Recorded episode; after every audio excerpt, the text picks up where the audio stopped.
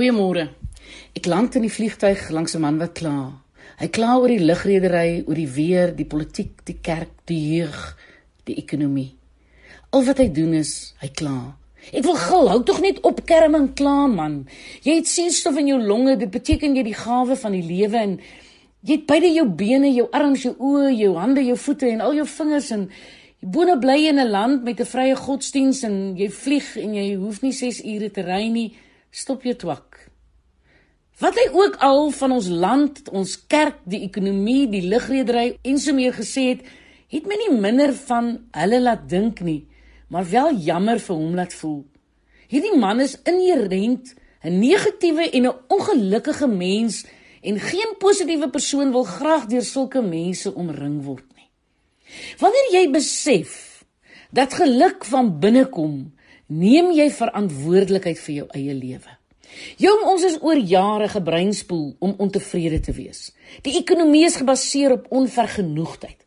Die geldgedrewe wêreld het baie te doen met die feit dat mense ontevrede is want want ons het net nooit genoeg nie en dinge bevredig ons nooit lank genoeg nie. Die gepoleerde voorblaaie van tydskrifte dra ook by dat dat 'n mens met jou voorkoms onvergenoegd is. En die apostel Paulus het egter die geheim van vergenoegdheid ontdek in Filippense 4. Hy sê ek het geleer om vergenoegd te wees met die omstandighede waarin ek is.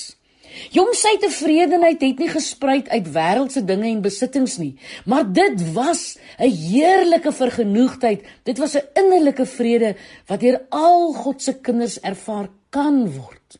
Die geheim van Paulus se vergenoegdheid is wees altyd bly in die Here. Paulus was bly en vol vreugde al was hy in die tronk omdat hy geweet het dat Christus by hom was.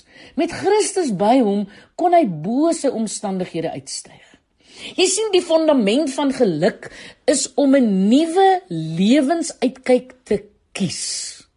Om gelukkig te wees beteken nie om die soms negatiewe omstandighede of omgewing te misken nie. Nee maar om te midde van slegte dinge wat oor jou pad kom steeds gelukkig te wees. Geluk groei deur die leerervaring van elke mens oor hoe jy elke situasie hanteer.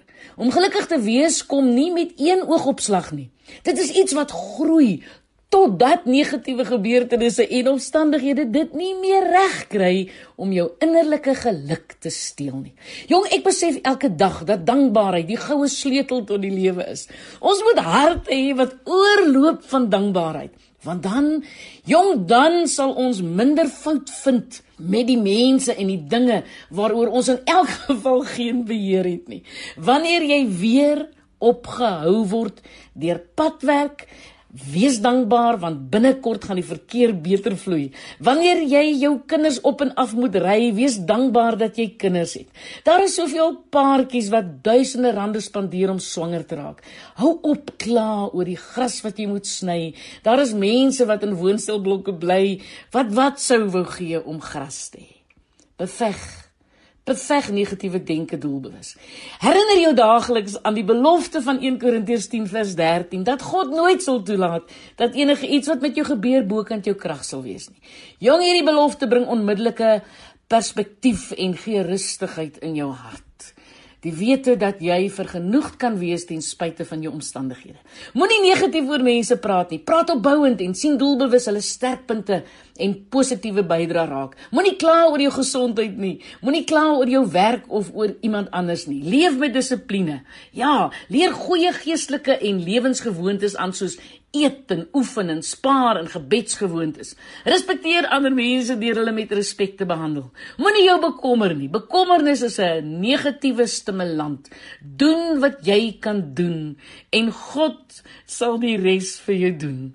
En dan hou jy net aan om 'n getroue gebedslewe te handhaaf. Wees tevrede met jou besittings, met jou huwelik, met jou kinders. Doen moeite met jou vriende. Man, ek is Lenet Beer vir Radio Kansel. Mag jy 'n wonderlike en 'n vergenoegde lewe lei.